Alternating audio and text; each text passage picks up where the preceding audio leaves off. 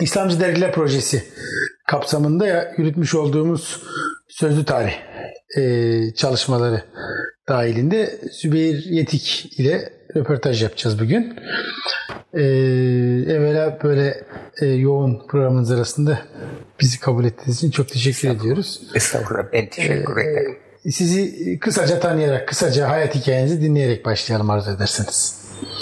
Efendim ben 1941 Siverek doğumluyum. Babam esnaf, kunduracı, annem ev hanımı. Biz beş kardeşiz. Bir müddet Siverek'te, daha sonra Diyarbakır, Urfa gibi yerlerde kalmışız. Yani hep Güneydoğu'da. İlkokulu Siverek'te başladım. Ceylanpınar'da bitirdim.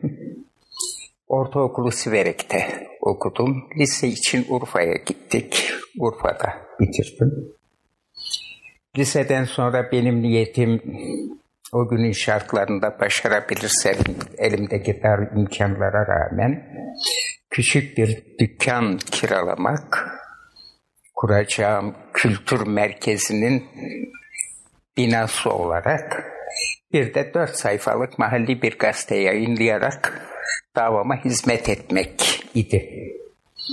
Finansmanı nasıl sağlayacaksın diye sorulursa vekil öğretmenlik yapacak onun maaşıyla işi yürütecektim.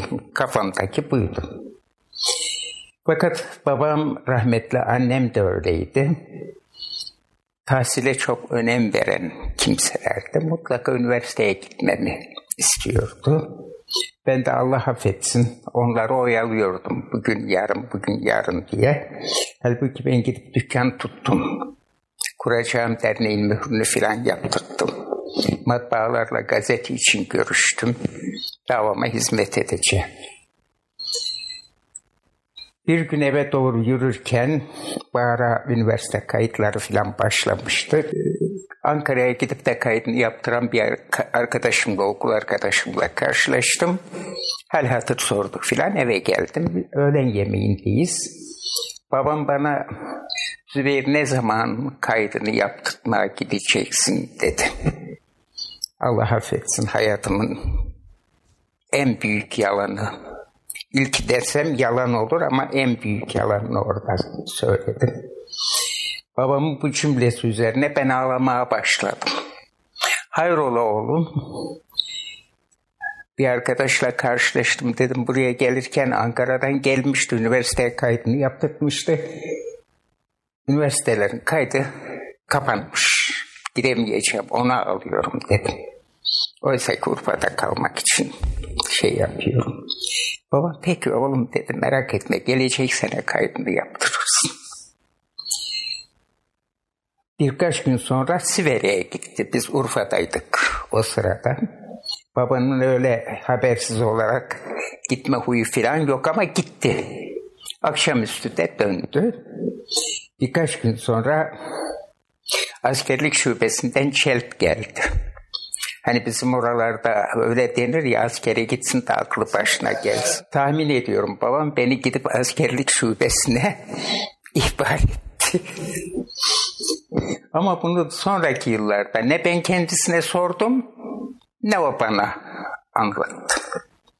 Tabi bu süre içinde hani gazete çıkaracağım filan değişimin de bir altyapısı var. Zaten mahalli bir gazetede aşağı yukarı iki yıldan beri yazı yazıyordum. Yani lise 2'den itibaren ben güya kalem sahibi biriyim ve gazeteciliğin de tekniklerine filan az çok vakıf durumdayım. Yedek subay öğretmen olarak İzmir'e gittik. Yedek subaylığım biter bitmez İzmir'deki gazetelerle görüşmeler yaptım. Gazetenin birinde iş bulabildim. Haftalık bir gazete. Tabii bu ara 1960 devrimi oldu. Zaten yedek subay öğretmen olarak gittim dediğime göre o devrimden sonra darbesi demek daha doğru ya. Gazetede işe başladım. Haftalık bir gazeteydi. O dönemde çok ilginç bir durum vardı. Tedbirler Kanunu diye bir kanun var. Herhangi bir gazetede onların sakıt dediği geçmiş dönem hükümetinin üyelerinden herhangi birinin veya Demokrat Parti yöneticilerinden herhangi birinin adı bile geçse o kanuna dayanarak adamları içeri atıyorlar. Vesikalık fotoğrafını yayınlatsan içeri atıyorlar. Benim çalıştığım gazetede şeyi Demokrat Parti damarından gelenlerin okuduğu, yayınladığı bir gazete. Böyle bir ortamda insanlar haberi içeri atılıyorlar. Bizim gazetenin yazı işleri müdürü, çalıştığım gazete, gazetenin ki ben teknik sekreter olarak başlamıştım. Olayın tekniğini biliyorum diye. Aynı zamanda köşede yazıyordum. O ortam içinde korkuya kapılarak istifa ettim. Tabii gazetelerin yazı işleri müdürleri, yazarları birer ikişer içeri atıldığı için yazı işleri müdürü bulmak da mümkün değil. Patron beni çağırdı. Gittim buyurun dedim. Ya kaç yaşındasın dedi. Hayrola dedim. Dedi 21'i doldurdun mu? Doldurdum dedim. Ya seni yazı işleri müdürü yapalım dedi. Yani kelleyi koltuğa. Hay hay olurum ama bir şartım var dedim. Nedir şartın? Gazetenin münderiçatında, yayınında bazı değişiklikler yaparsak kabul ederim. Yap dedim. Biz gazetenin havasını az çok bize yatkın, davamıza yatkın bir hale getirdik. Bir iki romanı sonlandırdık. Bir iki yazarın yazısına son verdik. E bir de İslam'dan bahseden bir köşe koyduk filan. O günün şartlarında 61-62 şartlarında ne kadar yapılabilirse o kadarını yaptık. Orada yaz işleri müdürlüğüne başladık. Köşe yazılarına da devam ediyoruz. Bu İzmir dönemi içinde bir takım ilginç şeyler daha var. Bilmiyorum konumuzu doğrudan ilgilendirir mi ama. Tabii ben gündüzleri gazetede çalışıyorum. Gecelerim boş. Yapabilecek bir şeyler arıyorum ama zemin yok. Çünkü ben Urfa'dayken çok hareketliydim. Yani askerlikte de pek fazla boş durmadım. Hatta askeri birlikte de boş durmadım. Yani oralara girmiyorum. Bir gün şeyden geçerken caddeden geçerken büyük bir levha gözüme çarptı. Gece vakti. İzmir Türk Ocağı. Burada Türk Ocağı derken hemen şu açıklamayı yapmam lazım. O yıllarda Türk Ocağı bizim milliyetçi mukaddesatçıların ortak çatısıydı. Yani sonradan İslamcı diye ayrışan damara o dönemde mukaddesatçı diyordu. Ülkücü diye ayrışan damara da milliyetçi diyorduk. Milliyetçi mukaddesatçıların ortak çatısıydı.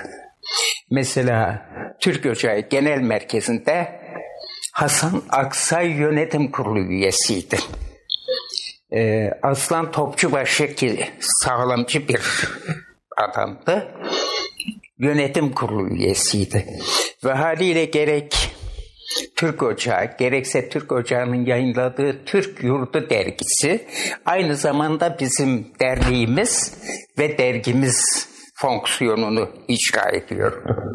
Yani Türk Ocağı yabancısı olmadığımız bir yer. Hemen dalı verdim. Büyük bir yer. Meğerse kahvehaneymiş. Garsona ya dedim derneğin başkanı nerede? Ocağın başkanı. Ha abi dedi sen Türk Ocağı'nı soruyorsun. Evet dedim. Yukarı çık dedim. Yukarı çıktım. Sordum birini gösterdiler. Rahmetli Kemal Fedai Coşkuner. Oturduk, konuştuk. Ocak faaliyetlerine katılacağız şu bu falan filan. Peki dedi. Birkaç gün sonra bir berberde tıraş olmak için sıra beklerken iki kişinin bir konuşmasına tanık oldum. Tıraş olanla sırasını bekleyen arasında milliyetçilerin gerekli faaliyet içinde bulunamadıklarından yakınıyorlardı ve bu arada Türk Ocağı'nı da eleştiriyorlardı. Ben sesimi dinlemeden sadece çıkarmadan sadece dinledim. Ve o ara kafamda bir plan oluşturdum. Akşam doğru Kemal Fedai Coşkuner'e gittim. Yani ocağa, Türk ocağına gittim. Benim bu gibi ayak oyunlarım var. Eğer yanılsa Rabbim affeder diye düşünüyorum. Kemal Hoca dedim, efendim dedi. Ya dedim üzücü bir haberim var. Hayrola dedi. Dedim bir berberde otururken bir konuşmaya tanık oldum. Seni Türk Ocağı Başkanlığından devirecekler. Senin yerine filan avukat veya filan eczacıyı getirecekler. Haberin olsun dedi. Bara Kemal Fedai Bey'le de daha öncesinde bir iki görüşmemiz, konuşmamız olmuştu. Az çok tanıyorum yapısal olarak filan. Yapma ya dedi. Evet dedim hocam yani maalesef böyle. E ne yapacağız dedi. Hocam dedim bana izin verirsen ben problemi çözerim dedim. Nasıl çözersin yahu dedi. Hocam dedim beni gençlik kolu başkanı yap.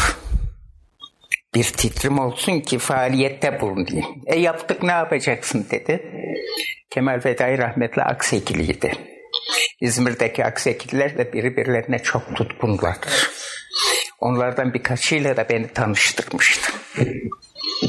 Dedim ben sırf Aksekilileri organize etsem, buraya üye yapsak seçimde sen alırsın. Seçime gideriz sen alırsın. Onların şeyi düşer dedim. Planları bozulur. Doğrusun dedi ve ben Türk Ocağı'nın gençlik kolu başkanı yaptı. Biz gençlik kolu başkanı olunca hemen şeye başladık. Tabii gazeteciliğimiz devam ediyor bu ara. Gazeteciliğimiz devam ediyor derken o da çok ilginç devam ediyor. Herkesi kolundan tutup içeri atıyorlardı. Fakat bize içeriye atılmak nasipte yokmuş. Ama her gün mahkemeye çıkıyoruz. Her gün savcılığa gidiyoruz. Ee, yani öylesine gidiyoruz ki her gün en az bir ağır ceza mahkemesindeyim. Çarşamba günleri de şey basın mahkemesi var. Listede baştan sona benim adım yazılı. Öylesine bir ortamdayız. Tutup 100 e, kadar dava açılmış. 400 yıl toplam mahkumiyet falan filan gibi. Türk Ocağı'nın Gençlik Kolu Başkanlığı'nı alınca ben hemen seminer faaliyetlerine başladım. Aşağı yukarı 10-15 tane genç. İçlerinde İmam Hatipliler var. E, o zaman Ege Üniversitesi değil, 9 Eylül Üniversitesi'ydi. Yani hangisi üniversite öğrencileri var. Buca Eğitim Enstitüsü'nden gençler var. Onlarla seminer faaliyetine başladık. Başladık derken çok tabii ilkel bir seminer çalışması. O zaman elimizde imkanlar o kadar. Ee, bizim kesimde yayınlanan kitapları alıyoruz. Gençlere bunları okuyacaksınız. Pazar günü tartışacağız diyoruz. Seminer çalışması dediğimiz bu kadar. Fakat hamdolsun çok verimli oldu.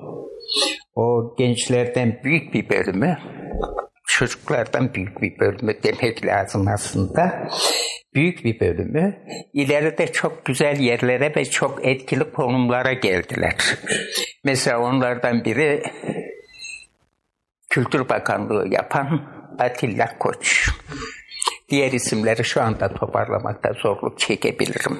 İhsan Emci vardı rahmetli. Çok faaldi o. Fehmi Koru. E, Fehmi Koru bir veya iki defa uğradı. Yani fazla şey olmadı onun. Fehmi Koru'nun daha çok babasıyla bizim bir dostluğumuz vardı. Bu çalışmalar devam ederken konferanslar düzenledik. Tanıdığımız kimselerle tanıştık. İşte Mustafa Yazgan'la dostluğumuz, yüz yüze dostluğumuz o dönemde başladı. Konferansa çağırdık.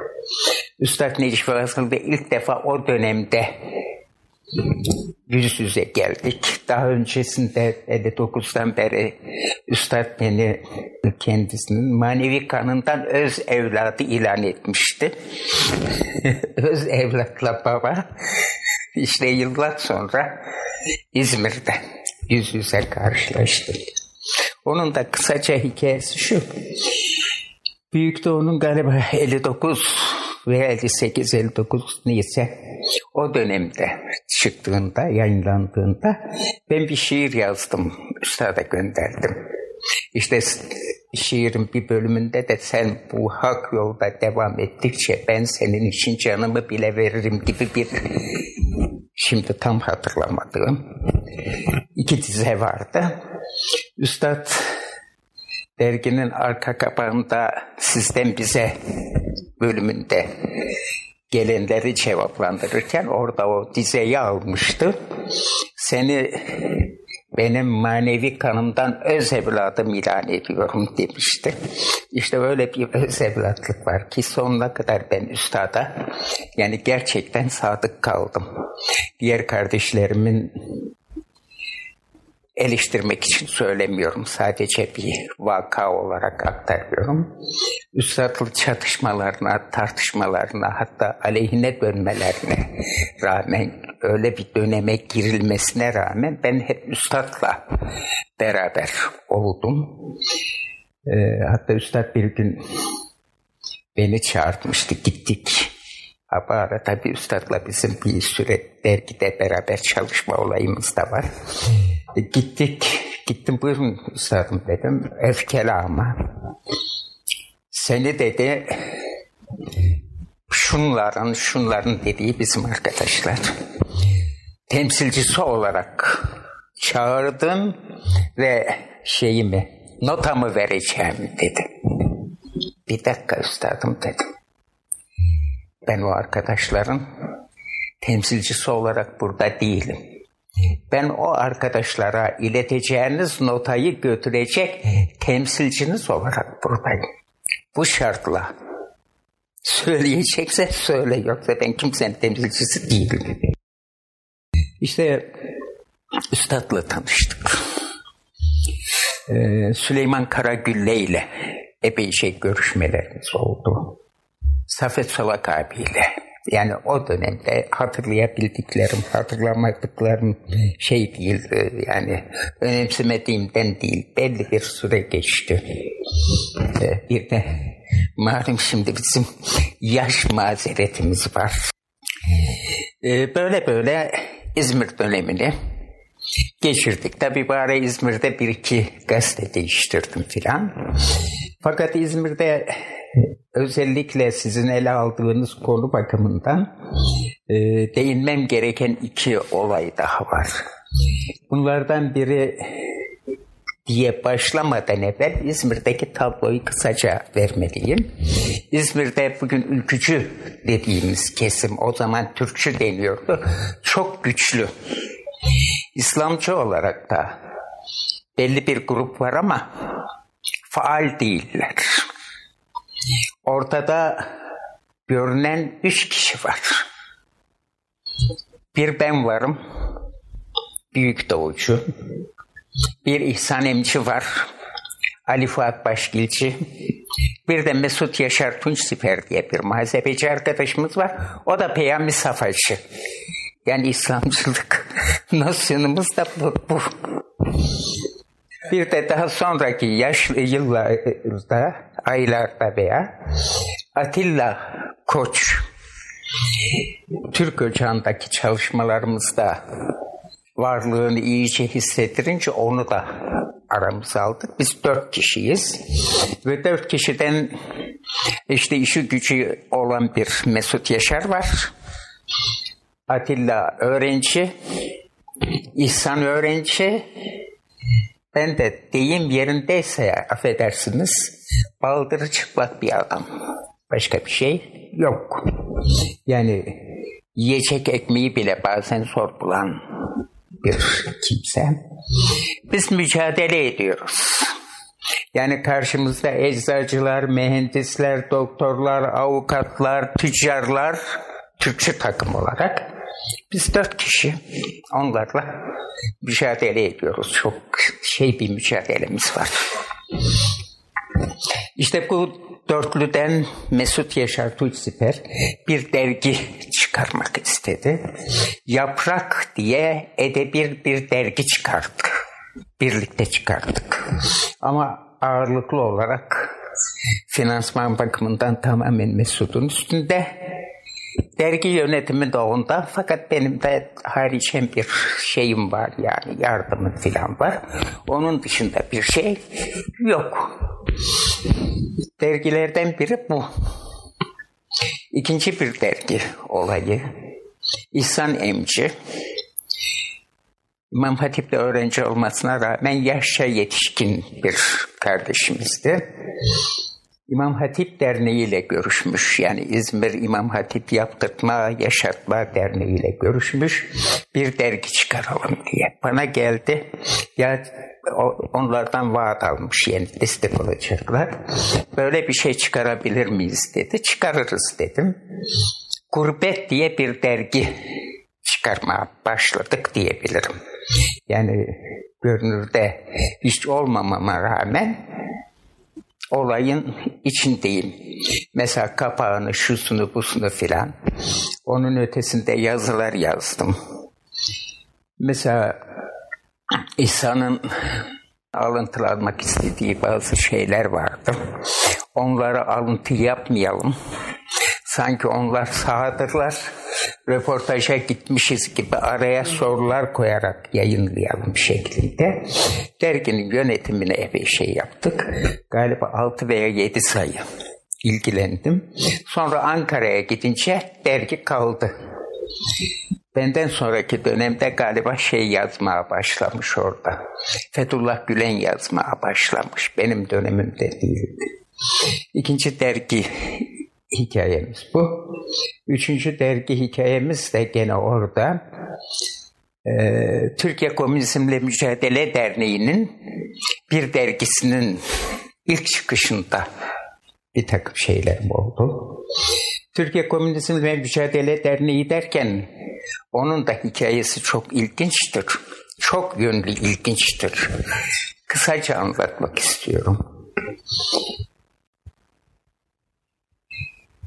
Biraz da tuhaf bir başlangıç var. Alparslan Türkeş yurt dışındaydı, gelmişti. Bir parti ele almıştı. Bir partiyi de galiba faal hale gelmişti veya faal olmaya niyetliydi. Ee, geniş bir siyasal yelpaze oluşturma çabası içinde görüşmeler yapıyordu. Bu görüşmeler kapsamında İzmir'e de geldim.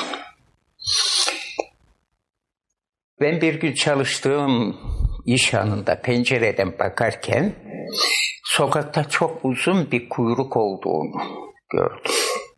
Yahu bunlar ne filan diye sorunca da Avukat İhsan Bey'in orada dediler. Türkeş, Avukat İhsan Bey de çok katı bir kafatasçı. Türkeş orada dediler. Ee, bu vatandaşlar Türkeş'le görüşmeye gelmişler. Fakat o kuyruktakilerin çoğunu tanıyorum. Hepsi bizim. Ama Türkeş'le görüşmeye gelmişler. Çünkü Demirel'den ilallah demiş durumdalar. Ee, ben çok insan tanıyordum şeyde yani o dönemde. Dükkan dükkan dolaşırdım. Böyle. Onun için kuyruktakileri tanımakta zorluk çekmedim. Bu beni çok rahatsız etti. Yapabileceğim hiçbir şey de yok. Nihayet 22-23 yaşında bir gençim denir demek caiz mi bilmiyorum çocuğum ama şimdi gencim Genç. diyebilirim çünkü yeni yasalara göre 18 yaş gibi bir şey var. Çocukluk bitiyor. Evet. Ya dedim bir partide ben kursam nasıl olur kendi kendime. Ya neyle kuracaksın? Benim o hayalim vardır mesela. Hani liseyi bitirince gazete çıkarıyordum, e, dernek kuruyordum filan. Hedefler büyüyor partiye doğru. Ha. Bir parti çıkarsam, e, kursam nasıl olur? Yahu parti kuramayız, kursak da şu olur, bu olur. Kendi kendime tartıyorum, ölçüyorum, biçiyorum. Ya dedim bir dernek kurabilirim. Öyle bir dernek olsun ki dedim o zaman partilerin ocak bucak teşkilatları vardı. Bu dernek her sokakta şube açabilsin özellik olarak. Geldim İhsan'a anlattım. Sonra Mesut'la görüştük. Bir de Tevfik Özkayalı sonradan bizim gruba intikal etti. Onlarla görüştük. Ya böyle bir dernek olur mu? Olur. E haydi. Ben gene sokaklara, caddelere, dükkanlara dalmaya başladım. Böyle bir dernek kuruyoruz ama ileride parti haline dönüştüreceğiz filan şeyi yok. Söylemi yok o bizim sırrımız. Mutlaka dernekleşmek lazım çünkü Türk Ocağı yeterli kadar faal değil şu bu gerekçesiyle biz derneğe, derneğe kurucu olarak katılmayı vaat eden kimselerin listesini oluşturmaya hazırlıyoruz. Kendi aramızda da konuşmuşuz. 40 kişi olunca derneği kuracağız. Hani Ömer 40. ya. Evet. 40 kişi olunca kuracağız. Derken 40 kişiyi bulduk. Dernek düzüğü hazırlandı. Ama hepsi bizden değil. Hani Türk Ocağı Çevresi de var. çevresi olarak Türkçüler de var. Biz de varız filan. 40'ı tamamladık. Dernek düzüğü hazırlandı. Ve bir de karar verildi. Gösteriş yani şov olsun diye. Kırkımız birden kurucu, kırk kurucu birden vilayete gidip dilekçe vereceğiz filan. Fakat bir türlü o kırk kurucu bir araya gelemiyor. Bugün yarın, bugün yarın derken ben iki veya üç günlüğüne İzmir'den ayrıldım. Ya bir konferansa çağırdılar ya benzer bir şey oldu. Aydın çevresinde bir tur attım. Döndüm geldim Mesut'un yanına. Ay gözlerin aydın dedi. Derneği kurduk. E hayırlı olsun dedim. Yalnız dedi senin adını listeden sildik. Yani her şeyde bir... Ha, bu ara derneğin adını da Türkiye Komünizmle Mücadele koymuşlar. Adı yoktu yani zavallının. Kuruluş aşamasında hemen. Bir, Niye sildiniz dedim ya. Ha, dedi e, valiye giderken kurucuların hepsi bir arada olsun diye. E peki dedim vali eline liste alıp yoklama mı yapacaktı dedim yani benden başka da yok olan yok muydu falan valla bilmiyorum öyle dedi. Başkan da dedi Eczacı Halil Necat Pala sıkı kafatasçılardan. Ben hemen ona gittim. Epeyce bir şey tartıştık martıştık. E, tabii yapacak bir şey yok. Derneği kurmuşlar. Derneğe üye olmak istedim. Üye yapmadılar. Sonra şubesini kurmak istedim. Yetki vermediler. Bir ekip oluşturdum onlara şube kurdurtmak istedim. Ona da yetki vermediler. Ama ben biraz herhalde zorba yapılı biriyim. Ee, derneğin yönetim kurulu toplantılarının hepsine girdim. Ama oy kullanmıyorum. Ve dernekte Türkçü kardeşlerimin elinde. Türkçü kardeşlerim daha evvel bana e, topluca dayak atmak matmak cihetine filan gitmişler iki defa filan. E, onların elinde fakat ben zorbalıkla gidip giriyorum.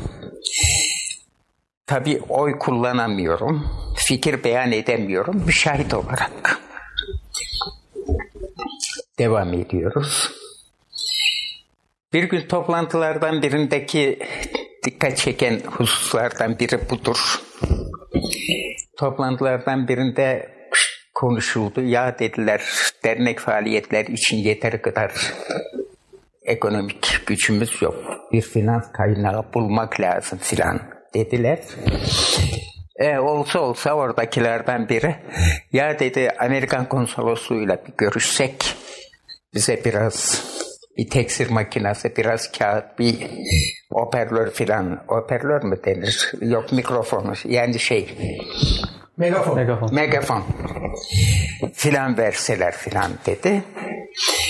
Kabul edildi bu. İki kişi seçildi ki o iki kişiden biri biliyorum şeydi yani. Ee, CIA elemanıydı. Yani o zaman istihbarattan olduğunu biliyorduk da sonradan CIA elemanı falan olduğunu şey yaptık. İkincisi de mutlaka öyleydi. Onlar gidip görüşecekler şeyle konsoloslukla. Ertesi hafta toplantıda konuşuldu konuşuldu birçok konu. Bu konu yok. Sordum ya Amerikan konsolosluğuna gidilmedi mi dedim. E, gidemedik şu bu. iki hafta, üç hafta, dört hafta gidememişler. Bir gün gene Mesut'a uğradığımda Mesut ya Zübeyir dedi sen bu adamları sıkıştırıyor musun Amerikan konsolosluğu için? Bunlar gitmişler Amerikan konsolosluğuna. Çekindikleri için sana anlatamıyorlar. Yahu çekindikleri ne dedim. Dedi Amerikan konsolosu veya konsolosluk görevlisi bunlara. Ya öyle teksir makinesi ne kağıt ne megafon ne. Biz size küçük bir matbaa kuralım. Ses donanımı olan bir çift verelim ve daha başka destekler de verelim. Hay hay siz komünizmle mücadele ediyorsunuz. Yapmaz mıyız? E yapın. Bir şartımız var. Şartınız İhsan Emçi ile Züveyriyeti'yi pasifize edeceksiniz. Şartımız bu. Yani İzmir'de bir dirilik hareketini başlatması muhtemel olan hatta başlatan diyebileceğimiz iki kişi yok edin dilediğinizi verelim. Amerika bu. Yani bütün dünyaya hakimse İzmir'de falana ve filana da hakim. Yani nedir, ne değil, kimdir, kim değil filan gibi. Tabii bizi pasifize edemediler. Sonra biz derneği ele geçirmek için çırpındık. O kafatasçının yerine daha mutedil bir mülkücüyü rahmetli İlhan Egemen'i getirdik. Sonra ben şeyden ayrıldım, e, İzmir'den ayrıldım, Ankara'ya geçtim. Daha sonraki dönemde Safet Solak abiyi başkan yapmışlar. Onun başkanlığı döneminde de dernek Türkiye'nin her tarafında şubeler filan açtı. Çok faal bir dernekti. İlk dernek orası mıydı? Komünizmle mücadele. Evet. E, daha İstanbul'da ayrı bir komünizmle mücadele daha evvel varmış falan filan. Yani Bu o Türkiye benim- çapına yaygınlaşan İzmir. Türkiye'nin her tarafına bu yay- yayılan bu oldu. Yani yayılan bu oldu ve hatta sonra mesela em, şeyin Milli Nizam Partisi'nin yahut sonraki partilerimizin hepsinin örgütlenmesinin şeyi bu dernek oldu yani. O dernekte yetişenler oldu. Bu örgütlenme işlerini filan üstlendiler. Ee, O dernekle ilgili hoş bir şey daha anlatmak istiyorum. İlginçtir. Bir gün Zeki Efeoğlu, Osman Zeki Efeoğlu benim gazetedeki patronum. Ee, çağırdı. Ya dedi Cemal Gürsel buradaymış Cumhurbaşkanı. Onunla görüştüm. Yok daha doğrusu ben gittim. Zeki Efeoğlu çırpınıyor. Bir şeyler derliyor filan arşivden. Hayrola dedim. Dedi ben Gürsel'le görüşmek için dedi şey yaptım. Randevu aldım. Ona gideceğim dedi. durumumuzu anlatacağım filan. Birden bende bir şimşek çaktı. Ya dedim şimdi Komünizmle Mücadele Derneği'nde etkili olabilmek için acaba ben bu fırsatı değerlendirebilir miyim? Abi dedim ben de seninle beraber gelebilir miyim? Senin gazetenin yazı işleri müdürüyüm dedim. Tabii gel dedi. Gittik. Giderken ağabey dedim bu kadar malzemeyle gidiyorsun komünizm tehlikesini anlatmak için yaptığımız yayının önemini anlatmak için daha farklı bir şey yapamaz mıyız? Ne dedi? Dedim ona Türkiye Komünizmle Mücadele Derneği'nin Fahri Genel Başkanlığını öner dedim. Güya bunu önerince benim şeyde gücüm artacak önerenlerden biriyim ya komünizmle mücadele derneğinde. Ya olur mu dedi böyle dedim. Neyse gittik Gürsel'e oturduk. Efeoğlu arşivleri ortaya döktü. Gürsel çok yani temiz bir adamdı. Saf biriydi. Ee, bizden biriydi kişilik olarak, şey olarak değil de kişilik olarak. Bunlar Gürsel'le beraber otururlarmış Çankaya'da. O da asker değil mi? Kızılay'ın genel başkanıydı. Kemal şu anda çıkaramadım. Hı. Yok asker kökenli değil, doktor galiba. Ee, Çankaya'da film seyrederken Gürsel hüngür hüngür ağlarmış. Yani böyle bir adam. Ve şeyi teklif etti. Fahri Genel Başkanlığı memnuniyetle dedi. Hemen önüne kağıdı koydu. Yazdırdı işte Türkiye Komünizmle Mücadele Derneği Fahri Genel Başkanlığı gururla kabul ediyorum onur benim için onur filan diye imzaladı. Ben geldim ona hemen hem gazetede haber yaptım hem de Komünizmle Mücadele Derneği'ne gittim. Bak size böyle bir takviye güç temin ettim filan. Üç gün sonra İnönü Meclis'te bir konuşma yapınca Gürsel istifa etti.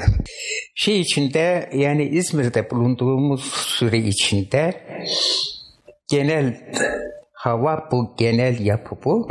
Belki gene konumuzu ilgilendiren bir şey olarak söyleyeyim. O dönemde Türkiye'de çıkan ne kadar şey varsa, bizim kesime ait dergi varsa hepsinde yazıyorum istisnasız. Yani şimdi adlarını tek tek. Hatırlayabildikleriniz varsa paylaşabilirseniz. Ha, e, mesela İs, İslam'ın sesi var, İslam var, oku var, efendime söyleyeyim, Müslümanın sesi var. Yani şu anda hepsini e, şey yapılarak hatta çağrı var filan. Hepsinde de sürekli ve düzenli olarak yazıyorum. Ya, yani aksatmadan yazıyorum. Ve biz bu minval üzereyken Ankara Hukuk Fakültesini kazandık. Ankara'ya geçmeden önce bir e, Zülfikar der şey Zülfikar dergisinin çıkışıyla alakalı bir ha onlar, hatıranız bir şey vardı. yapayım. Bir de Fedai dergisinde de galiba bir göreviniz oluyor ha, değil pardon, mi? Pardon en Onu önemli şeyi unuttuk yani. Evet. Ben de ayrıca bir soru soracağım ama bunları anlatırsanız ondan sonra ben de, tekrar bir geri döneceğim. Ben bir geri daha döneceğim. E, bu İzmir döneminde bahsetmiştim şeyleri içeri atıyorlar yazı işleri müdürlerini. Türk Ocağı'ndaki çalışmalarımızdan dolayı da Kemal Feda ile sık sık görüşüyoruz. Bir gün gittim kaygılı, üzgün, hayrola abi dedim, hocam dedim. Ya dedi, e, bizim Erdem dedi, ben bu ortamda yazı işleri müdürlüğünü devam ettiremem istifa ediyorum dedi. Şimdi ben nereden yazı işleri müdürü bulayım? Dedim ben sana yazı işleri müdürü olayım. Zaten biz adımız fedai olmasa da fedai olarak ortalıkta dolaşıyoruz. Kemal Fedai Coşkun'un Fedai dergisine yazı işleri müdürü olduk. Ve o süre içinde Kemal Fedai ile de daha yakınlaştık. Hem derginin havasını az çok dönüştürdük Hem de yani bunu söylemek biraz ayıp gibi ama Kemal Fedai Hoca'nın da kafa yapısını yavaş yavaş üç, bugün üç hilalci bilinen çizgiye doğru şey yaptık.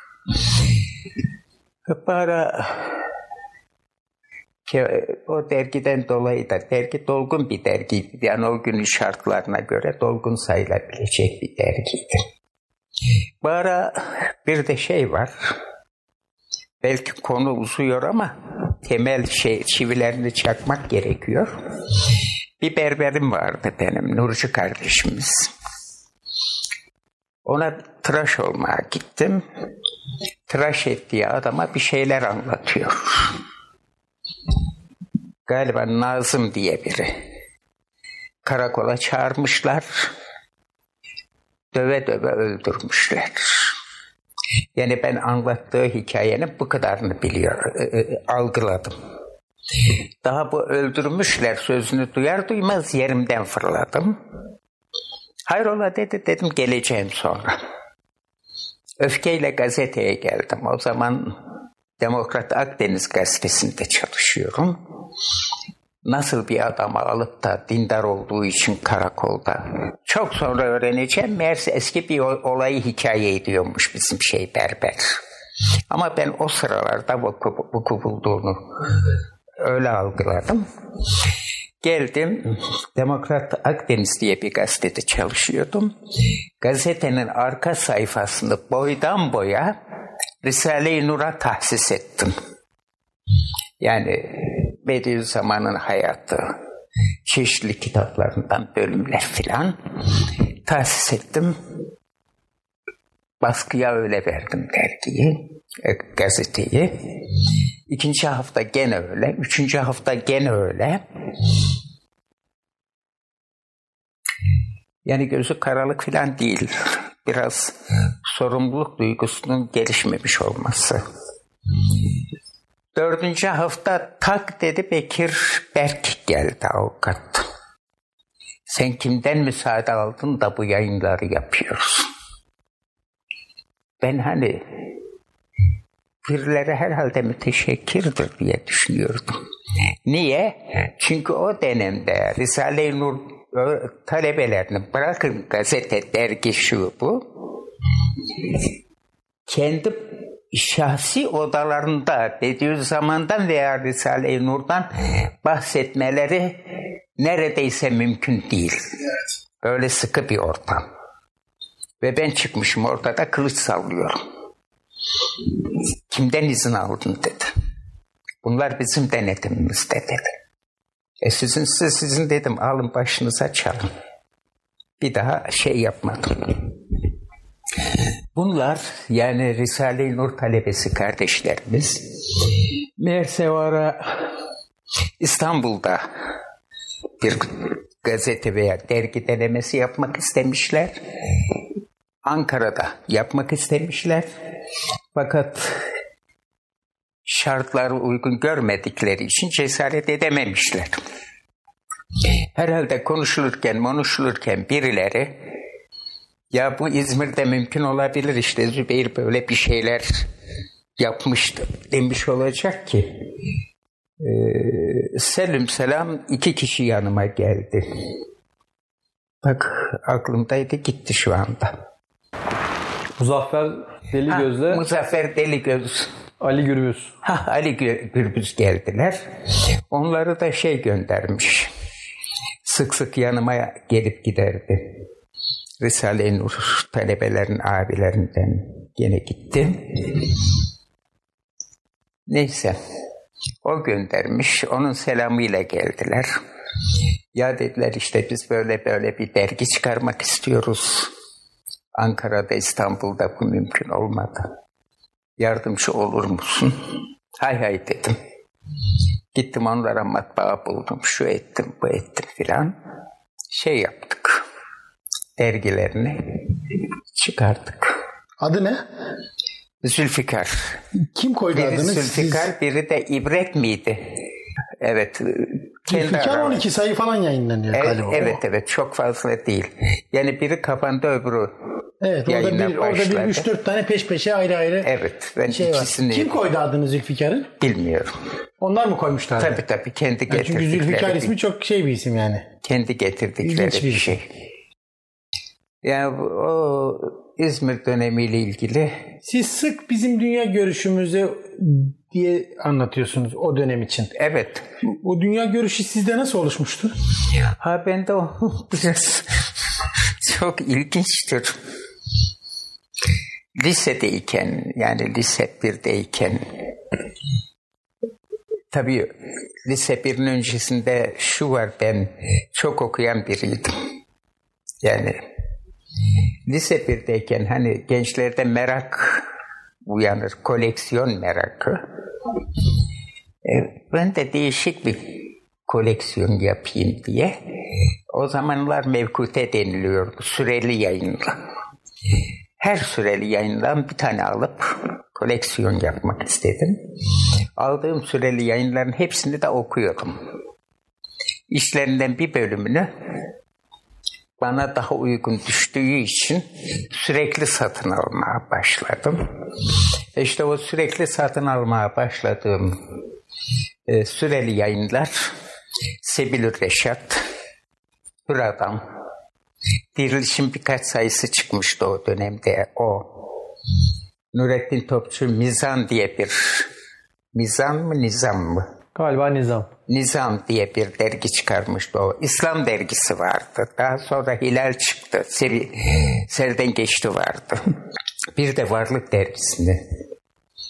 E, Bir de galiba Forum diye bir dergiydi. Karı koca doçentlerin çıkardığı dergi. Onları sürekli almaya başladım. Ve böylece biz yani herhalde aileden de gelen çünkü ben kunduracı çıraklığı yaparken ilkokulda aldığım ilk haftalıkla gidip bir namaz hocası satın almıştım yani. O dergilerin ve gazetelerin daha sonra Büyük Doğu devreye girdi. Bu ara şeyin Ömer Rıza Doğrulu'nun Tanrı buyruğu tefsiri veya meali neyse o elime geçti.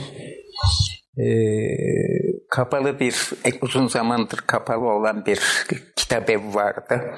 O açtığında on, oraya bir girişi verdim. Oradan epeyce dergi, kitap filan buldum. Yoksa piyasada çok fazla yok. Yani iki üç tane kitap yayınlanmış o dönemde 60'larda filan. Yeni yayın iki üç tane bir şey. Ki şey bile da, daha sonra şey yaptı. İdeoloji örgüsü filan daha sonraki dönemdedir. O fikirlerle daha yakından tanıştık, kaynaştık, şu ettik, bu ettik. Tabii bu, e, bu hem yazılarımıza az çok intikal etti. Dediğim gibi mahalli bir gazetede yazıyordum. Hem de arkadaşlarla tartışmalara, martışmalara, şunlara, bunlara girişirken gelişti. O dönem kim vardı sizin yakın arkadaşlarınızdan lise yıllarında? Lise yıllarından beri e, tabii baş, e, birkaç arkadaş daha sayabilirim. Özellikle bir de sıkı dostluk içine girdiğimiz Akif İnan ve Nihat Armağan vardı. Tabii ara Mehmet Emin, Emin Balyan'ı e, Sabri Arslan'ı filan da zikretmem lazım ama asıl yakınlık sınıf arkadaşı sayılırdık. Yani dershane arkadaşı değil de sınıf arkadaşı. Çok şey olmazsa hoş bir hikayedir. Onu da anlatayım. Tabii ben evden okula giderken Kırtasiyecinin önünden geçiyordum. Yani aynı zamanda gazete dergi bayiydi.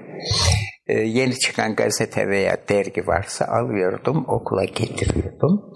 Teneffüslerde okuyordum. Ee, bir gün gene omzumu duvara dayamışım bahçe duvarına. Elimdeki dergi bizim dergilerden hangisiyse okuyorum. Bir e, el omuzumdan tuttu beni sarstı. Ne okuyorsun dedi. Döndüm Nihat Armağan. Fransızca derslerinde bir araya geldiğimiz arkadaşım. Dergi okuyorum. Şöyle bak. Bunları okuma dedi. Sana ne filan diyecekken çekti gitti. E birkaç gün sonra gene aynı şeyi yaşadık. Bu defa iyice girişmek niyetindeyken zil çaldı. İçeri girdik. Tesadüfen de Fransızca dersiydi. Aynı sınıfa girdik. Aynı dershaneye girdik. Ve ben öfkeyle elimdeki dergi hangisiyse ve nereden ne bulduysam rapt etmek için kara tahtaya rapt ettim sayfalarını.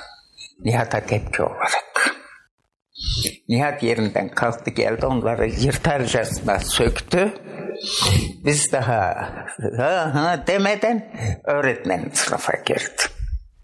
Haliyle yerlerimize oturduk. Ama tabii ders boyunca ben yerimde duramıyorum şu Nihat'la hesaplaşayım diye. Sınıftan çıkacakken bir baktım Nihat geldi koluma girdi. Ben daha ters ters bakarken sus dedi. Ben de o dergileri okuyorum. E niye bana engel oluyorsun? Başına iç iş açılmasın diye dedi. E sağ ol dedim. Bahçeye çıktık koridordan. Dur dedi seni biriyle tanıştırayım. Ne tanıştır dedim. Seslendi Akif, Akif, Akif. İşte bir çocuk geldi yani biz de çocuğuz ya. Geldi. Akif bu Zübeyir Yetik dedi. Bu Akif inan dedi. Tanıştık. Akif ya dedi şu gazetede yazıyorsun değil mi dedi. Evet dedim filan. Ee, böylece biz tanışmış olduk üçlü. Sınıf arkadaşlarımızla da tanışanlar var, tanıştıklarımız var. Ee, teneffüslerde bir araya geliyoruz sohbet etmek için.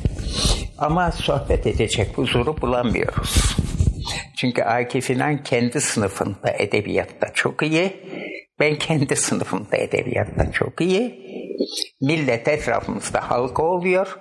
Bunun vezni nasıldı, bunun anlamı neydi, buydu, buydu. Fırsat yok. Muhtemelen Nihat'ın fikri olabilir. Ya tadımız yok dedi haftada bir gece. Sıra gecesi gibi bir araya gelsek olur dedik. İlk Akifler'de bir araya geldik. İşte ben, Nihat Akif, Sabri Arslan, Balyan, efendime söyleyeyim Hüsnü e, ve daha birkaç arkadaşla bir araya geldik. Kaynatırken, maynatırken muhtemelen benim önerdiğimi sanıyorum muhtemelen çünkü ben öyle şeye alışkın değilim. Yani düz sohbete alışkın değilim. Mutlaka amaçlı bir sohbet. O yüzden ben çevremde konuşmayı bilmeyen biri olarak tanınırım. Halen de öyle. Mutlaka belli bir konu olacak, ciddi bir şey olacak. Konuşacağım. Muhtemelen o yüzden ben mi önermiş olabilirim. Ya boşu boşuna burada vakit kaybedeceğimizi. Bir program yapalım, bu programa göre hareket edelim. E işte program olarak da 10-15-20 dakika günlük olaylar. Bilmem şu kadar süre okuduğumuz dergi veya kitaplardan bahsetmek falan. Sonra içimizden biri ya dedi madem böyle bir saatte şey yapalım, münazara yapalım dedi. Kabul ettik. Kitabet bakımından bize katkısı olur diye. Ee, ve biz başladık bir tür eğitme yani. O iki gruba ayrılır tartışırdık belli konuları filan. Onun da çok faydasını gördük. E, ta liseyi bitirinceye kadar biz buna devam ettik. Ancak Akif İnan devam edemedi. E, bir hocayla olan bir tartışma sebebiyle Maraş'a gitmek zorunda kaldı. Gerçi Maraş'a gittikten sonra tatil başlayınca gene geldi filan da Akif'in Maraş'a gitmesi hayırlı oldu. E çünkü Maraş'a gittiğinde orada lisede edebiyatla ilgilenen bir grup hatta Duvar Gazetesi çıkan bir grup gençle tanışmış ki işte o gençler işte e, Rasim'di, Erdem'di, Şahit filan yani.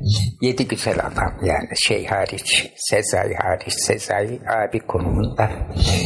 Ee, onların ifadesine göre, kendi ifadelerine göre Akif'in bilhassa aruza hakimiyetine hayran kalmışlar. Biri bu. İkincisi de Büyük Doğu'yu Akif onlara tanıtmış. Çünkü biz şuurlu büyük doğucuyduk yani şeydeyken, Urfa'dayken. Bizim o çalışmamızın merkezinde Büyük Doğu ideali vardı. Böylece oraya gitmiş oldu. Benim tanışma olayım da tanışmanın ucu da buraya kadar geliyor. Bir şey daha var o da ilginçtir. Liseyi bitirdiğimizde sanki oturup da istişare etmişiz gibi Nihat Armağan İstanbul'a gitti. Dil tarih, dil tarih olmaz edebiyat fakültesi olur. Dil tarih Ankara'da. İstanbul'a gitti üniversite için. Akif Ankara'ya gitti üniversite için. Ben de işte olayı anlatmıştım. O vesileyle İzmir'e gittim. Yani biz üçümüz üç büyük şehre dağılmış olduk. Nihat Hilal yayınlarının yönetimini üstlendi. Akif Hilal dergisinin yönetimini üstlendi. Ben de İzmir'de gazetecilik yapıyorum. Yani planlasanız ancak bu kadar oturtabilirsiniz. Ee, böylece yani şey bu davayla ilişkim bu bağlamda Ankara'ya geldik. Ankara'da hukukta işte bir müddet. Ankara'da hukuk fakültesini okumak için geldiniz. Evet, evet. Okumaya gittik. Neden yani tekrardan üniversiteye gitme kararı verdiniz? Ha o da ilginç. Şimdi benim çokça davam var. Ha hukuka o yüzden gidiyorsunuz. Ama daha ilginci şu, e, arada bir gazeteye uğrayan bir avukat arkadaş vardı. Ya dedi ben ben senin şu davalara gireyim mi dedi. Ha hatta öyle de değil. Dosyalarıma yani mahkemem için hazırlığımı ben yapıyorum. Çünkü tutup avukat tutacak filan imkanımız yok yani. Ee, bari işte o arada bir gazeteye uğrayan avukat arkadaş Burkay Kaynak ağabey demem lazım benden yaşça büyük bir gün geldiğinde ya ağabey dedim ben şu mahkemeler için hazırlık yaparken bazı kanun maddelerine bakmam gerekebiliyor. Senin büroda gelip bakabilir miyim rahatsız olmazsan? Tabii gel dedim. Gittim. Tam da o sırada katibi de şey olmuş, ayrılmış gitmiş. Onun masasını bana verdi. Burada rahatça çalış dedi. Eh, sağ ol dedim. Biz işte kendi dosyalarımızı kendimiz hazırlıyoruz. Fakat bu ara Burkay abi de benim vekilim olarak davalara girmeye başladı. Hazırlığımı götürüyorum. O hazırlık doğrultusunda gelip davalara giriyor. Onlardan biri çok ilginçtir anlatayım inşallah. İnşallah. Ee, bu ara tabii kendisine dosya hazırlayıp götürünce dikkatini çektim. Arada bir gelip benim de vaktimin çoğu orada geçiyor. Çünkü davalarla uğraşmak için yani orada çok vakit geçiriyorum. Kendisi önüme bazı şeyler koymaya başladı. Ya Zübeyir şu dosyaya bir savunma yaz, Zübeyir şunu yap, bunu yap filan. E biz onu da yaparken harçlık da vermeye başladı. E, başımla beraber çünkü ekmeği zor buluyorum yani. O gazetelerden çok düşük şey alıyorum. Bu ara Burkay abi kendi kafasından bir proje hazırlamış. Gelecek projesi. Ben hukuk fakültesine gideceğim. Bitireceğim. Geleceğim kendisinin bürosunu devreye alacağım. Yarı ortaklık gibi. Ve kendisi de politikaya atılacak. Beni teşvik etti. Teşvik etti. İşte ben 60 mezunuyum. 64'te 4 sene sonra sınavlara girdim. Hukuku kazandım. Hatta Atilla'nın ifadesine göre o da aynı sene siyasalı kazandı. Ee, senin aldığın puanı ben alsaydım tıbba giderdim dedi filan.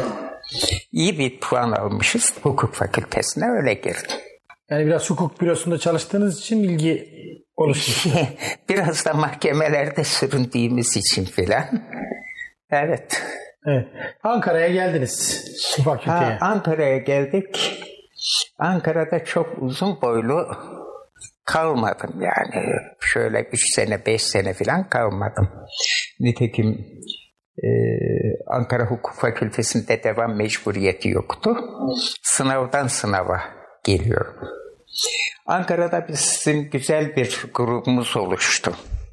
Hani Akif İnan'ın Maraş'a gitmesi çok hoş oldu diye. Çünkü Ankara'dayken bizler Ankara ve Maraş arasında Akif bir köprü oluştu. O zaman Akif İnan bitirmiş ve geri dönmüş. Maraş'a değil mi?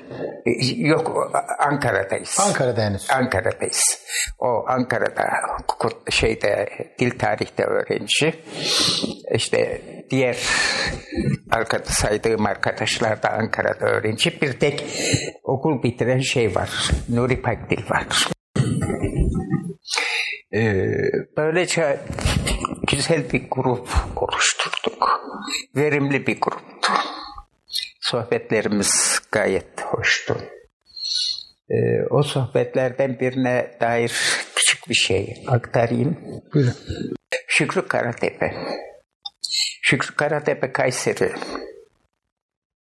Büyükşehir Belediye Başkanı iken biz de sendikacılık yapıyorduk.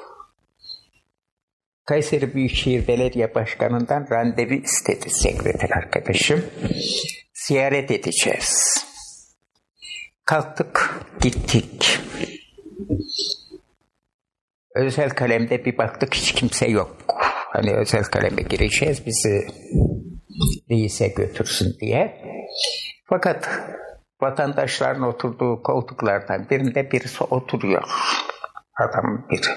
Herhalde o da şeyi bekliyor diye düşündük. Yani şöyle kapıdan daha girmedi.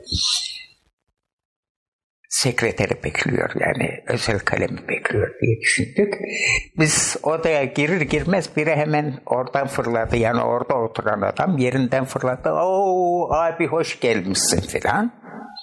Hoş bulduk filan dedim. Ee, bizi asıl odaya aldı. Oturma düzenimizden anladım ki belediye başkanı Şükrü Karatepe. O arkadaş. Evet. Ve döndü sekretere. Dedi ben dedi o herhalde hukuk mezunuydu diye hatırlamıyorum. Neyse ben dedi okuduğum üniversiteden evvel asıl üniversiteyi dedi abilerimin de öğretim görevlisi olduğu Salkım Söğüt Üniversitesi'nde bitirdim dedi. Çünkü Gençlik Parkı'nda Salkım Söğüt diye bir şey vardı. e, kafeterya diyelim yeni moda deyimle. Biz kahvehanedir o zaman. Ha kahvehane. Sohbete oturuyorduk. Ve üniversite gençleri etrafımızda toplanıp sohbeti dinliyorlardı. Soru soran olursa cevap veriyorduk. İşte oturanlar kim? Akif, ben, Erdem, Rasim, Pakdil. Hatırladım. Atilla Koç o dönem Ankara'da herhalde. Ha, o da siyasaldaydı. Yani bizim sohbet edenler grubundaydı. Böylece bir çevre oluşmuş. Evet evet Oluyordu. öyle bir tür Şükrü Karatepe'nin ifadesiyle üniversite bir tür akademi oluşmuştu. Başka kimler vardı? Ankara'da başka faaliyetler nelerdi o dönemde? Ankara'da yani bir, biz Türk Ocağı'nda toplanıyorduk bizim grup. Sık sık Üstad Necip Fazıl geliyordu. Geldiği zaman Akif'in evinde kalıyordu. Ee, Akif'in evinde güzel sohbetlerimiz oluyordu. Üstadın has odam dediği grupla. Bara bunun ötesinde çok fazla faal değildik. Yani şartlar fazla faal olmamızı gerektirir bir noktada değildi. Gerçi solcular çok faaldi. Ülkücüler de öyleydi. Yani bizim en kabadayı faaliyetimiz Üstad Necip Fazıl'ı konferansa çağırmak şeklinde oldu. Yanılmıyorsam bir veya iki, birinden ki eminim de iki konferans için geldi. Biri Okulda mı yapıyordunuz o dil konferansları? tarihte. Dil Dil tarihte. tarihte evet. Öbürünü tam kesin çıkaramıyorum. Belki de tek konferansta onu da bilmiyorum. E, Bir de Musa abinin, Musa Çağal abinin dükkanı vardı. Ankara'da saçı dükkanı. E, nasıl söyleyeyim? Üç adım eninde, üç adım boyunda daracık bir dükkan. O dükkana bir saatçi tezgaha yerleştirilmiş, nasıl yerleşmişse arkasında dururdu. Bizler de şu merdivenin genişliğinde oturak yerleri vardı, orada otururduk. Oranın özelliği şuydu, çok güzel tartışmalar yapılırdı her konuda. Yani gerçekten de oldukça orijinal, oldukça ufuk açıcı konuşmalar filan olurdu. Bir. İkincisi Ankara'ya gelen herkes, bizden herkes ilk iş o dükkana uğrardı. Ya aradıklarını zaten o dükkanda bulacaklar veya o orada o anda bulamazlarsa nerede olduğunu ancak oradan öğrenebilecekler idi. Dükkanın üçüncü bir özelliği de şuydu. Tabii bu arada Musa abi de saatçilik yapıyordu, tamir yapıyordu. O kadar patırtının arasında. Ee, Bir başka özelliği de e, kitap satıyordu, kitap satışı. Ama yani kitap ticareti için değil. Canı isteyen oradan kitabı alıp gidiyordu. Parası olduğunda getiriyordu, ödüyordu. Belki bilmiyorum ama Musa abi belki bir bölümünden para da almıyor olabilir. Bilmiyorum. Oraya çok önemli ileriki tarihlerde çok önemli yerlere gelmiş olan epeyce insan gel- geldi. Yani gerek yazı, çizi, edebiyat, fikir, gerek siyaset, gerek bürokraside filan. Ee, işte mesela Tayyip Bey, Abdullah Gül, Turgut Özal gibi cumhurbaşkanları. Tabii ilerleyen yıllarda. Efendim? Tayyip Bey Abdullah Gül ilerleyen yıllarda geliyor. Tabii tabii tabii. Onlar daha sonra yani o şey devam etti, akademi devam etti. Bizim dönemimizde Turgut Özal geliyordu. Ee, şey var, partinin genel başkanlığı, Refah genel başkanlığını yapan Recai Kutan mı? Ha, Recai Kutan geliyordu. Ee, Refah Partisi'nin kurucularından Süleyman Arif Emre geliyordu. O Karslı adam geliyordu. Karslı bakan. Yani o dönemde onlar vardı bürokrat olarak da. Hmm, o zamanlar bürokratlar henüz. Evet, Ha, onlar değiller. bürokrat, bizler öğrenciyiz. Fethi abi vardı, Fethi Gemuhluoğlu. Fethi Gemuhluoğlu gençlerle ilgilenen çok değişik bir kimseydi. Epeyce gencin doktora yapması için gerekli teşviklerde bulundu ve zannediyorum finansman destek de onlara temin etti. Hatta yani bir dönemdeki akademisyen kitlesinin tamamen Fethi abinin bu tür destekleriyle e, yani görülür, görünür hale geldiğini ve üniversiteler e, bir şeye ulaştıklarını söyleyebiliriz. Fethi abi bizim grupla da ilgilenirdi. Yani kendisiyle haftada bir iki defa e, pastanelerde oturur sohbet filan ederdik. Hoşgörülü. Ankara'da mı yaşıyordu o zaman? Ankara'da yaşıyordu. Milli Eğitim Bakanlığı'nın özel kalem müdürüydü Fethi abi. Yani dikkat çekici isimlerden biri o. Herhalde Birbirimizi çok severdik. Fakat gariptir. Anlaşamazdık. neden? Rahmetli benim cinimle Zübeyir'in cini bağdaşmıyor derdi. O şeydi, onu, tasavvuf ehliydi. Benim de tasavvufla pek şeyim yok yani. O bakımdan cinlerimiz bağdaşmazdı. E, o zaman siz kendinizi daha Ercüment Özkan'a yakın hissediyordunuz o zaman. Yani biz o zaman Ercüment Bey'le bir tek defa görüştük. Ben biraz fazla dik başlıyım yani kimseyle uyum içine çok kolay giremiyorum. Hatta Ercüment Bey'le tek ve ilk görüşmemiz çok ilginç. Şimdi ben Türk Ocağı'na gittim yine bir gün sık sık gidiyoruz bahsetmiştim. Türk Ocağı'nda Akif'in ya- yanında bir misafir var. Akif şey orada. Türk Ocağı'nda kütüphane müdürü. Daha sonra ocak müdürü olacak. Biri oturmuş ve Akif'e habire bir şeyler anlatıyor. Bana aykırı görünen yerler oldu. Bu ara gene bir şey söylerken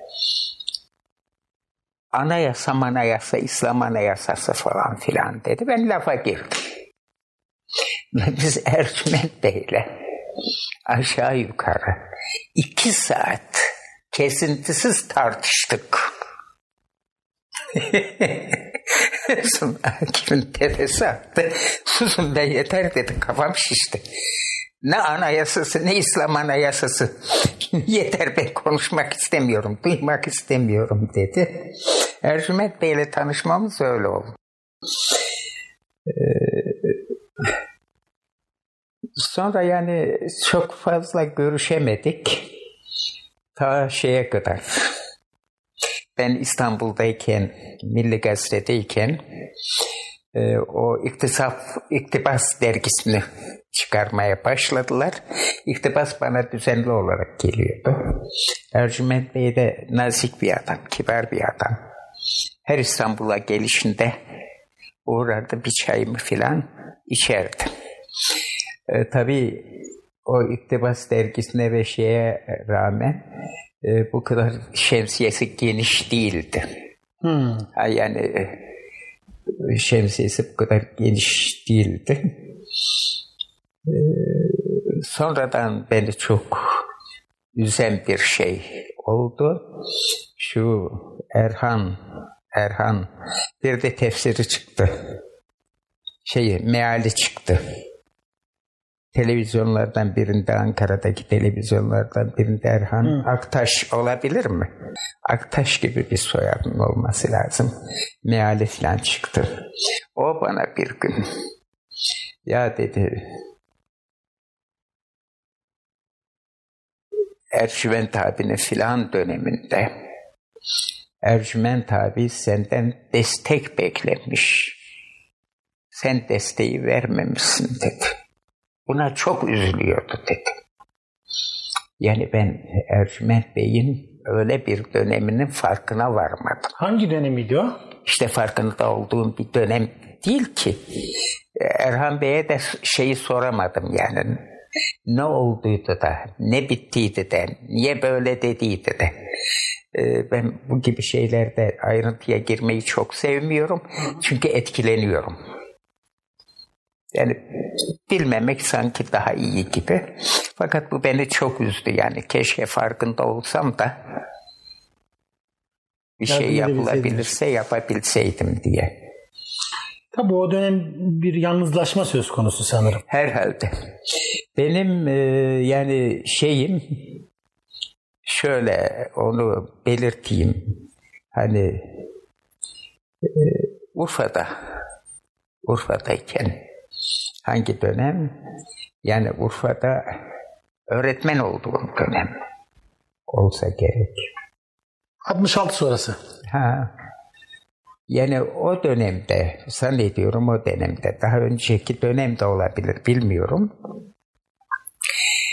Ee, şey kafama takıldı. Benim arası bazı şeyler kafama takılır. Hani biraz enfal kaf e, e, demiştim ya evet. enfal kafama takıldı diye. O türden takılmalar olur bende. Ee, şu mağara olayı kafama takıldı. Ha yani hicret ederken ki. Ha hicret ederken e,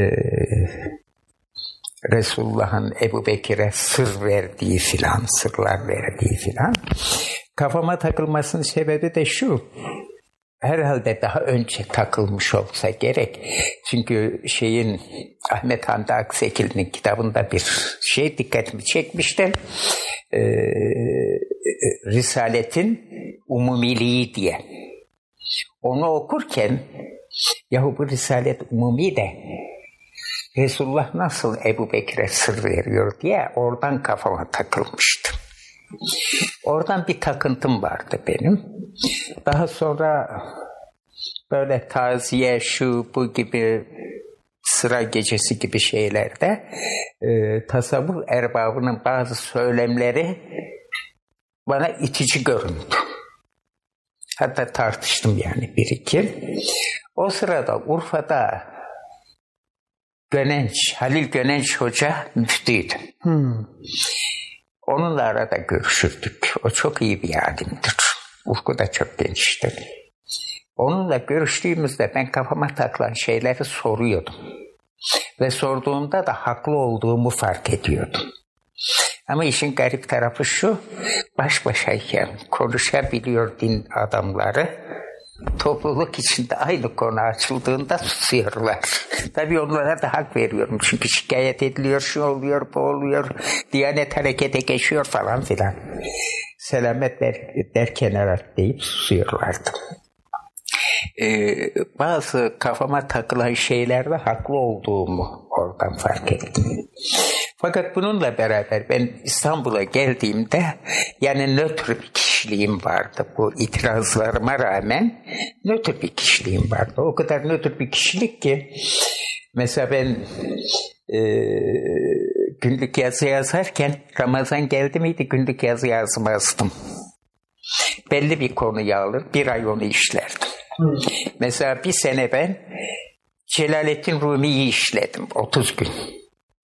Bir sene Yunus Emre'yi işledim 30 gün. Hmm. Bir Ramazan yazı dizisi gibi. Evet.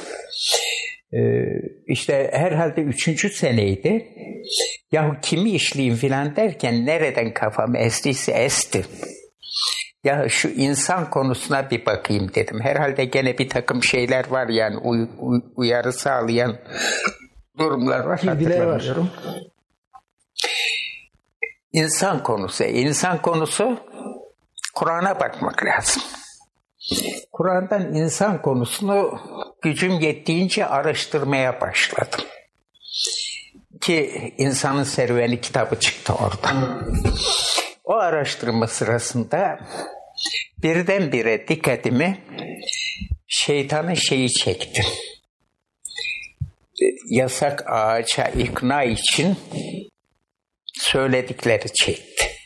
Ama onu o da doğrudan doğruya çekmedi. O dönemde şey yoğun bir şekilde gelen giden var Milli Gazete'ye. Tasavvuftan bahsedenler çok. Tevbe almayı gündeme getirenler çok. Ve vaatleri arasında da şu var. İşte yola girirsen melek gibi bir adam olursun. Günahlardan, mınhalardan arınırsın. Yola girirsen fena fillah, beka billah kalıcılardan olursun. Yola girirsen insanlar sana itiraz edemezler. Onlar üzerinde hakim olursun gibi. Hangi yol bu? Ee, Ağırlıklı olarak hangi gruplar? Nakşi. Biraz da Kadiriye. Biraz Hangi grupların Akşe'nin yani Nak- Nakşi'nin İskender Paşa. hı, grubu? Evet. E, Kadir'in de şimdi onların şeyhi şey oldu. Ahmet Hulusi. İşte buna benzer telkinler var. O telkinlerle şeytanın telkininin örtüştüğünü fark ettim. Yani bu benim bakış açım. İlle de böyledir demiyorum. Bunu fark edince ben bunalıma girdim. Hani Gazali'nin bunalımı var ya. Evet. Onun gibi bir bunalıma girdim. 24 saat neredeyse.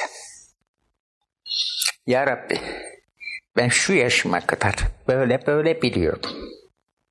Fakat Kur'an'dan da böyle böyle okudum. Yanlış alma, anlama ihtimalim elbette var. Acaba benim bugüne kadar duyduklarım mı yanlış? Kur'an'dan anladığım yani Kur'an yanlış değil de benim anlayışım mı yanlış? Sen bana bir yol göster. Aylarca. Ve en son gönlüm şeye yattı. Kur'an'ı ben doğru anlamışım. Oraya yattı. Ve bunun üzerine ben tasavvuf öğretisi üzerinde çalışmaya başladım. Bu 80 sonrası değil mi? 80'lerin başı yani. Yani aşağı yukarı, aşağı yukarı. Çünkü o insanın serüveni kitabı başlangıçtır. Ee, o, o da 80'lerde filandır. Ondan sonra da konu üzerine daha çokça gittim yani. En son Ankara'da kalmıştık. Siz Ankara'dan tekrar Urfa'ya dönüyorsunuz. Çok ilginçtir. Şimdi ben sınavlardan sına- sınavdan sınava Ankara'ya geliyorum ya. Ee, o zaman öyleydi. Şimdi de öyle mi bilmiyorum. Bir kayıt harcı yatırılırdı. Bir de imtihan harcı yatırılırdı. Ee, ben o işler için bizim Akif İnan'a o Ankara'daydı. Rica ediyordum. Ya telefon açıyordum ya telgraf çekiyordum ki telefon imkanı pek geniş değildi. Hatta bazen mektup yazıyordum. Akif şu benim kayıt harcını yatır. imtihana geldiğimde hallederiz diye. Üçüncü sınıftaydım. Akif İnan'a gene bir telgraf çektim. Aman Akif benim Kasım ayıydı. Benim şeyi kayıt harcını yatır, kaydımı yenile. Ve eminim yani Akif mutlaka bu işi yapacak. İşte Haziran'da mıdır, Mayıs'ta mıdır ne zamansa sınavlara geldiğimde önce bir vakit müsaitti. Fakülteye uğradım. İmtihan harcı yatıracağım. Elimde işte şeylerim var, belgelerim var. şu öğrenci olduğuma dair çeşitli belgeler, ders takip defteri şu filan neyse. Bana adam baktı baktı sen bizim öğrencimiz değilsin dedi. Şeyi alamam imtihan harcını. Ya nasıl öğrenciniz değilim? Aa bu pasom. Şebeke mi deniyor, paso mu deniyor neyse. Hı hı. E bu benim işte hocanın imzaladığı derslere girdiğime dair defter. Adam hayır öğrencimiz değilsin diyor. Başka bir şey demiyor. Allah Allah. Çıktım şeyden. Fakülteden. Yani ne yapacağımı bilmiyorum. Şaşırdım.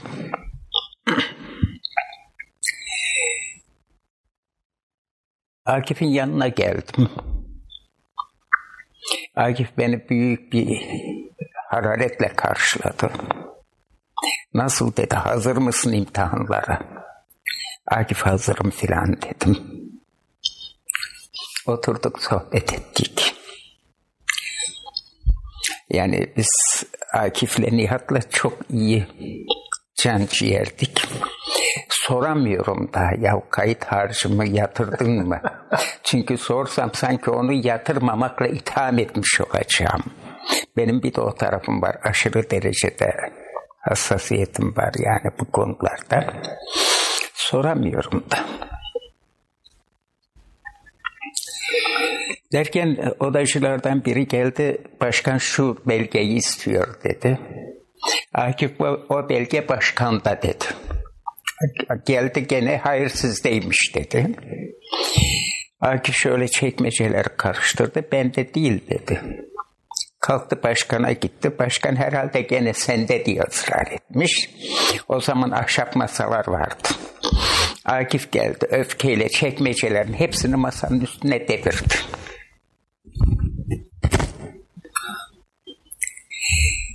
Ben yerlere saçılanları toplayayım diye ayağa kalktım ona yardım ediyorum.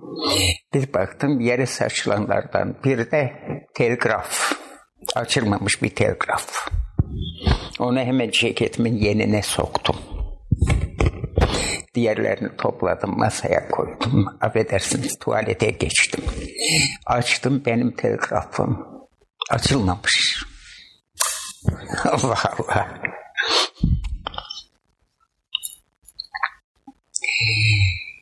Biraz oyalandım. Akif dedim ben şeye bir uğrayayım dedim. Fakülteye bir uğrayıp harcımı yatırayım dedim. Olur dedi filan. Gittim biraz dolaştım geldim. Ama üzgün bir tavırla Allah affetsin işte orada gene yalana başvuruyorsun. Akif dedim galiba ben sınavlara giremeyeceğim. Hayrola dedi. Şimdi o telgraf elimde. Ama içeriğini okutmayı düşünmüyorum tabii. Kayıt harcını yatırmak için gittiğimde şu posta kutuları olur fakültelerde. Onlardan birinde bir baktım benim bu telgraf. Annem çok fena hastaymış. Herhalde benim Urfa'ya gitmem lazım. Yahu yapma Zübeyir, telefon açalım, soralım, edelim filan falan. Yok dedim, çok önemli olmasa telgraf çekmezlerdi. Bereket yine telgrafa bakayım demedi. Bilet aldık, Urfa yemeğe gittik Akif'le. Yemek sırasında sohbet ederken öğrendim ki tam o tarihlerde Akif'in eşi Uşak'ta rahatsızlanmış. Akif iki ay kadar şeyde kalmış, Uşak'ta kalmış. Mantıken anladım ki telgraf diye odacılar önemsemişler, masada bırakmamışlar. Çekmecenin arasından ahşap o, oraya saklayalım diye koyarken bir de fiske vurdularsa en arkaya gitti. Bir de o telgraf hayatta ortaya çıkmaz. Çıkmadı. O yüzden benim kayıt yatmadı. Fakat kimseye de hani Akif'in ihmali gibi bir durumdan bahsetmiş olmayayım diye bahsetmedim. Dolayısıyla benim ben hukukun öğrencisi değilim kanaatini kabullendim ve şey yaptım. Böylece hukukla ala- alakam